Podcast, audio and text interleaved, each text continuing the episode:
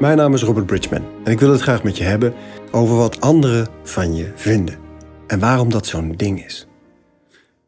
De beroemde psycholoog Wayne Dyer, hij is inmiddels overleden, die zei al: ja, wat anderen van je vinden, de mening van anderen, is eigenlijk niet meer dan de mening van anderen. It's just that.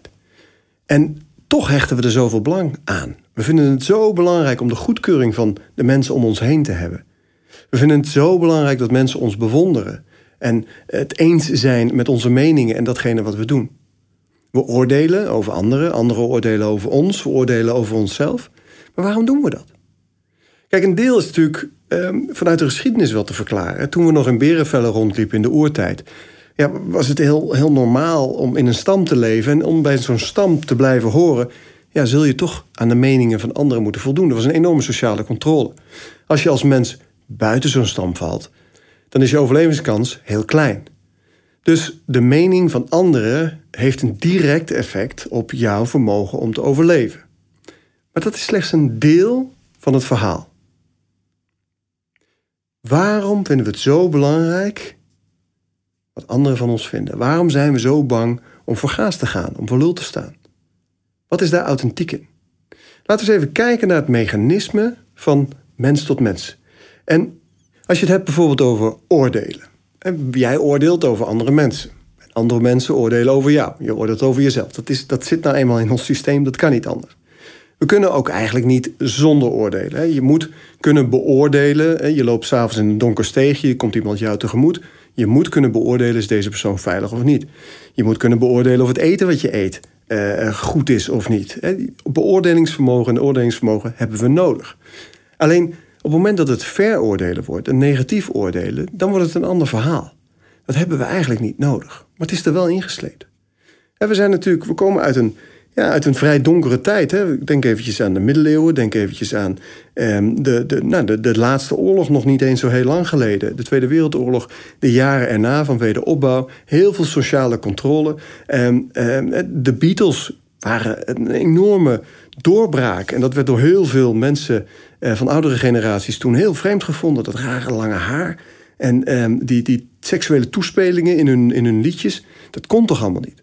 En we komen uit een tijd van intensieve sociale controle, waarin het heel belangrijk is dat iedereen zich gedraagt zoals je verwacht. Want dat is nummer twee. Op het moment dat je je gedraagt zoals verwacht, kunnen mensen op je bouwen. En in een stamstructuur is het heel belangrijk dat we op elkaar kunnen bouwen. Dat vergroot de overlevingskansen van iedereen. Maar dan zijn we nog niet bij de kern. Want wat is die ander en wat is dat oordeel? Als je naar iemand wijst, en misschien is het leuk als je nu je vinger uitsteekt. Als je naar iemand wijst, of wijst eens naar iets bij jou in de buurt, dan zie je dat je wijsvinger vooruit gaat en die drie andere vingers die wijzen terug naar jezelf.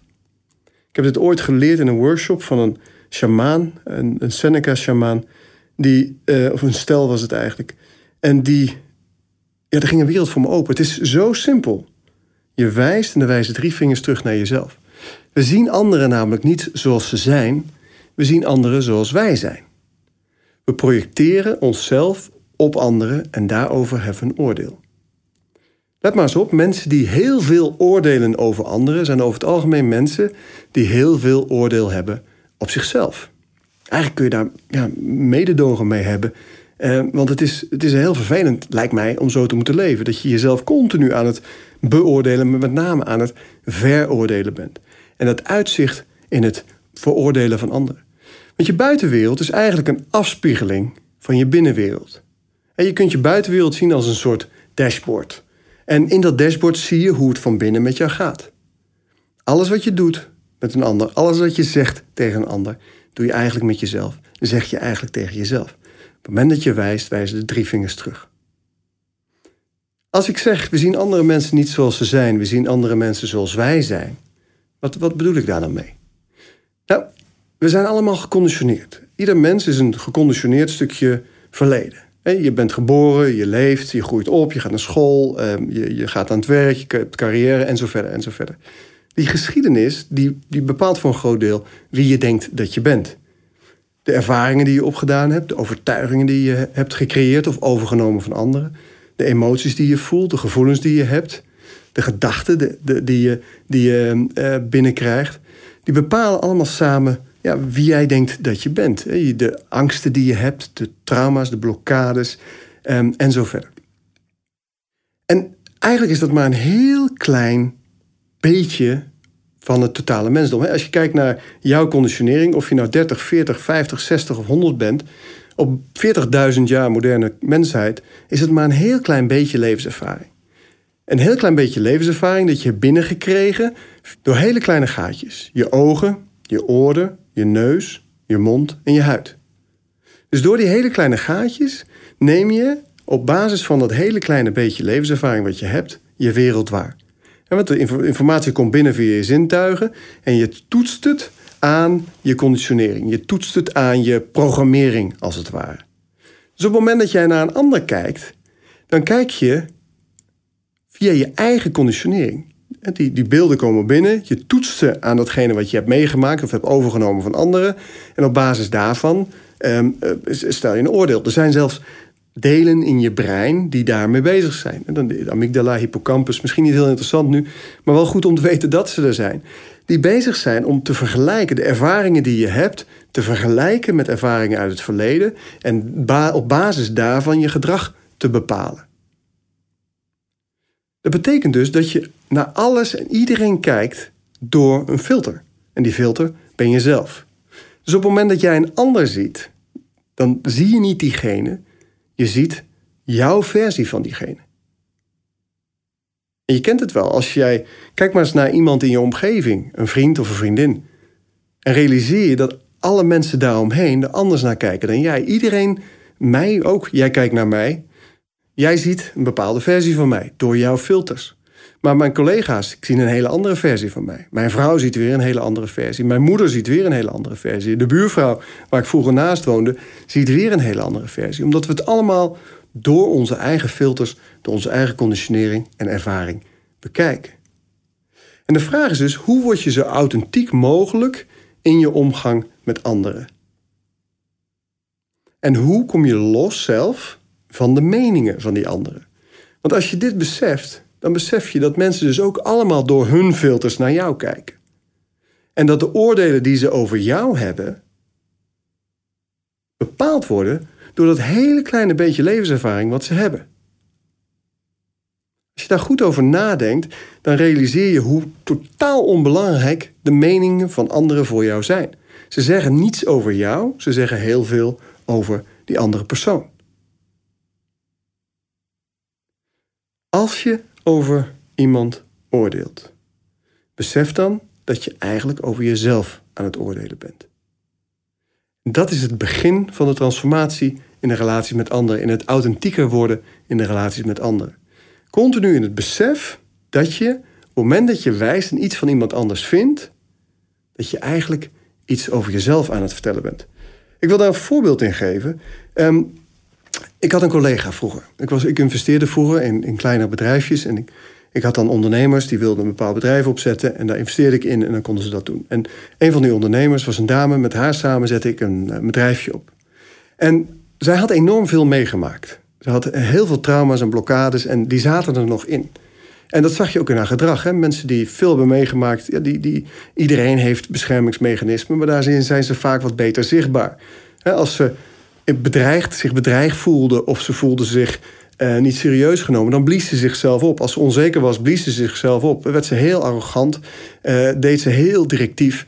En op andere momenten kon ze weer totaal in puin liggen of heel verdrietig worden van iets. En iedereen had een oordeel over haar. Alle collega's die ik had, mensen, mijn zakenpartners, mensen die zaken met ons deden. Ik kreeg belletjes, ik kreeg e-mails, ik, kreeg, ik werd aangesproken op netwerkbijeenkomsten. En ze wezen allemaal naar haar. Maar wat ze niet wisten, en wat ik toen al wel wist, was dat ze eigenlijk mij informatie verschafte over zichzelf. Want degene die zeiden: Jezus, wat is irritant zeg. Die vertelden mij daarmee iets over hun eigen irritant zijn. De mensen die zeiden: Goh, wat ongelooflijk arrogant nest. Die vertelden mij iets over hun eigen arrogantie en dus over hun eigen onzekerheid. Want arrogantie komt uit onzekerheid. Je blaast jezelf op omdat je van binnen twijfelt. Als je dus oordeelt over een ander, geef je eigenlijk heel veel prijs. En omgekeerd, als iemand anders oordeelt over jou of over andere mensen, vertellen ze jou heel veel over zichzelf. Dat inzicht kan je helpen om relaties te gaan gebruiken in je eigen transformatie. Wat dat betekent, je buitenwereld is een afspiegeling van je binnenwereld. Dat betekent dat je alles wat je in anderen ziet, je iets vertellen over jezelf. Dat betekent dat je ermee aan de slag kunt. Er zijn heel veel methoden om beperkende overtuigingen om te zetten, om aan je blokkades en je trauma's en je angsten te werken, om je zelfbeeld te veranderen. Maar het is heel lastig om dat te zien. Vaak heb je daar een coach bij nodig. Dat is een, een goede coach spiegelt ook. Die spiegelt jou en laat jou zien hoe jij geconditioneerd bent, zodat je er wat aan kunt doen. Maar andere mensen zijn eigenlijk een soort van standaard coaches die om je heen leven en die jou continu aan het spiegelen zijn. En als je dat besef hebt, dan kun je dus continu op het moment dat je iets vindt van een ander denken: hey, wacht eventjes, ik vind iets van diegene. Het irriteert mij wat diegene doet. Um, ik word een beetje boos of gefrustreerd. Of ik word er bang van. Wat zit er dan in mij dat ik nu kan omzetten, kan veranderen, kan transformeren met de methode die ik daarvoor heb? Dan kijk ik, als ik dat gedaan heb, weer naar die ander. En dan zie ik, potverdik, het is weg. Ik irriteer me niet meer aan diegene. Ik zie het nog wel, maar ik irriteer me niet meer. Op dat moment weet je dat het stuk getransformeerd is. En dingen zien in een ander die je irriteren, betekent dat je zelf werk te doen hebt. Als iets in een ander je op wat voor manier dan ook negatief beïnvloedt, betekent dat jij zelf iets in jezelf te doen hebt. Als je iets echter ziet in een ander, waar je compassie voor voelt, of waar je begrip voor hebt, of wat je accepteert, dan betekent dat dat het iets is wat je zelf ook hebt, maar wat je opgelost hebt. Wat je verwerkt hebt, wat je een plek hebt kunnen geven. Dus waar je authentiek in bent. Dus hoe meer compassie en liefde je voor je omgeving kunt voelen, hoe meer werk je in jezelf hebt gedaan, hoe opgeruimder je van binnen bent, hoe authentieker je bent. En zo kun je dus continu monitoren. Wacht eens even, gaat het goed met me? Ben ik aan het oordelen? Ja. Oké, waarover? Ben ik negatief aan het oordelen? Dan heb ik wat te doen. Ben ik positief aan het oordelen? Hé, hey, wat leuk. Dan heb ik waarschijnlijk dat stuk bij mezelf opgelost. Als je dus teruggaat naar die overlevingsmechanismen. De meningen van anderen zijn belangrijk voor ons, omdat we niet buiten de stam willen vallen. Het is belangrijk omdat mensen op je kunnen bouwen en dat je congruent bent in hoe je doet en hoe je laat, omdat mensen ja, op je willen rekenen in geval van nood. Maar daaronder ligt dat uiteindelijk alles wat je doet, alles wat je zegt tegen een ander, je in feite tegen jezelf zegt. Het gaat zo ver dat je eigenlijk niet iets kunt zien in een ander mens wat je niet zelf op een of andere manier in je eigen systeem hebt. Laat me je een voorbeeld geven uit mijn eigen leven. Toen ik negen jaar geleden voor het eerst een meditatieruimte binnenkwam, zat ik vol met oordelen. Er zaten er allemaal mensen op de grond met allemaal kleedjes om zich heen en op kussentjes. En ik dacht, jee, wat een geitenvolle sokken. Ongelooflijk, wat doe ik hier? Ik begon met mediteren en gaandeweg leerde ik die mensen kennen en steeds beter kennen. En op een gegeven moment begon ik ze te waarderen. En ik merkte dat die oordelen steeds meer vervielen. En de grap is dat de jaren daarna, steeds als ik een retraite inging of als ik naar een bepaald centrum toe ging, ik eerst weer door die oordelen heen moest. Ik vond er heel veel van. En ik, ik, ik, ik ja, was eigenlijk mezelf aan het projecteren op die mensen tot ik ze beter leerde kennen. En op een gegeven moment weet je dat ook. Als ik deze mensen beter leer kennen, dan vind ik het straks heel leuk. Um, maar dat heeft heel veel tijd gekost om daar te komen. Nu is het een ander verhaal. Als ik nu op zo'n plek binnenkom, dan ben ik gelijk thuis, omdat het oordeel weg is. Het zijn vaak mensen die bezig zijn met zelfontwikkeling, die vaak met eh, compassie en liefde belangrijk vinden. En dat, is, dat geldt ook voor mij. Dus ik merk dat mijn irritatie, mijn oordeel, af is en dat er compassie en liefde voor in de plaats is gekomen. Dus ik weet nu van mezelf dat dat in elk geval voor een heel stuk is opgelost. En zo kun je heel veel voorbeelden bedenken uit je eigen leven. Voorbeelden waarin jij oordeelt of oordeelde. En denk maar eens even na over vroeger. Waar had je vroeger een enorm oordeel op, dat je tegenwoordig niet meer hebt? Bijvoorbeeld in je kindertijd waren er dingen waar je, of bepaalde mensen waar je een enorm oordeel op had. Vond je bijvoorbeeld iemand een kneus, of vond je juist iemand uh, ongelooflijk arrogant, of vond je. Waar had je een oordeel op? En kijk eens nu, vanuit je volwassen perspectief, terug op die persoon. de kans is groot dat je daar nu heel anders naar kijkt. Dat je heel anders kijkt naar, en ik gebruik het woord nog een keer, met een kneus. En dat je nu denkt, ah, dat was eigenlijk gewoon een hele leuke, intelligente vent. Waarom vond ik daar eigenlijk zoveel van toen? Als ik hem nu zie, ja, hij heeft gewoon een, heeft een leuke baan en hij doet het goed. En het... Of als je die arrogante, opgeblazen vent ziet, dan denk je, ja, maar ik snap wel dat hij zo was. Als ik kijk naar zijn thuissituatie en hoe hij op school was en wat hij moest doen. Ik vind er eigenlijk helemaal niks meer van. Dan, weet, dan, dan krijg je een beetje inzicht in wat ik bedoel. Vanuit een bepaald perspectief heb je een oordeel, vanuit een ander perspectief heb je dat oordeel niet meer. En dan weet je ook dat je gegroeid bent. In de tussentijd ben jij gegroeid, ben je ontwikkeld, waardoor je de wereld anders bent gaan zien, waardoor je jezelf bent veranderd en daarmee ook je dashboard, je omgeving is veranderd. Naarmate je dus groeide in je leven, veranderde de manier waarop je was en dus ook de manier waarop je naar anderen keek. En je zult merken dat je in het ontwikkelingsproces, in het authenticiteitsproces waar je nu in zit, dat je in wat grotere stappen gaat veranderen. En hou daarbij rekening met je omgeving, want je omgeving verandert niet in hetzelfde tempo mee. Dat betekent dat mensen die jou zien veranderen, die gaan daar wat van vinden. Als jij ineens stukken loslaat en verandert en een blijer en gelukkiger mens wordt, dan gaan mensen die daar niet toe in staat zijn, die gaan er wat van vinden. Die gaan dat niet leuk vinden. Die gaan dat nep vinden. Die gaan vinden dat je je aanstelt. Die gaan je vinden dat je, doe maar gewoon, dan doe je al gek genoeg. En daar heb je mee te maken. Die mensen die zullen in de eerste instantie lacherig doen. En vervolgens, als jij door blijft gaan, zullen ze misschien wel agressief worden. Ik weet nog mijn vriendengroep van vroeger, en ik heb ze nog steeds, dezelfde vrienden. We gaan een aantal keer per jaar een weekend uh, zeilen of mountainbiken.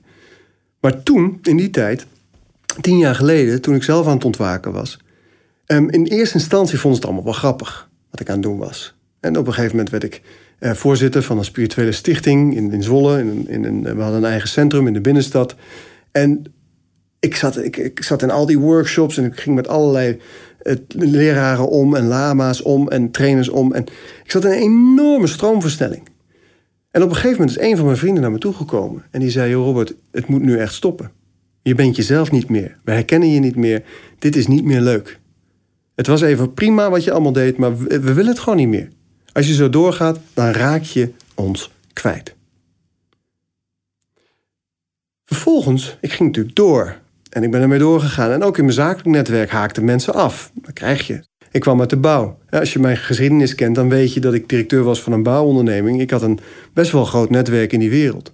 En er waren natuurlijk mensen die vonden het helemaal niks wat ik deed. Die dachten, nou, wat hij nou aan het doen is een beetje uh, Bachwan-achtig uh, meditatie, hoppen, kaalhoofd, monnik, geitenwolle sokken, dingen die die. nee, daar moet ik helemaal niets van hebben.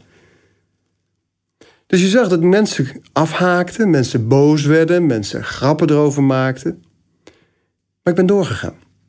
En doorgegaan. Op een gegeven moment zijn we naar Vietnam verhuisd. Daar hebben we een centrum geopend.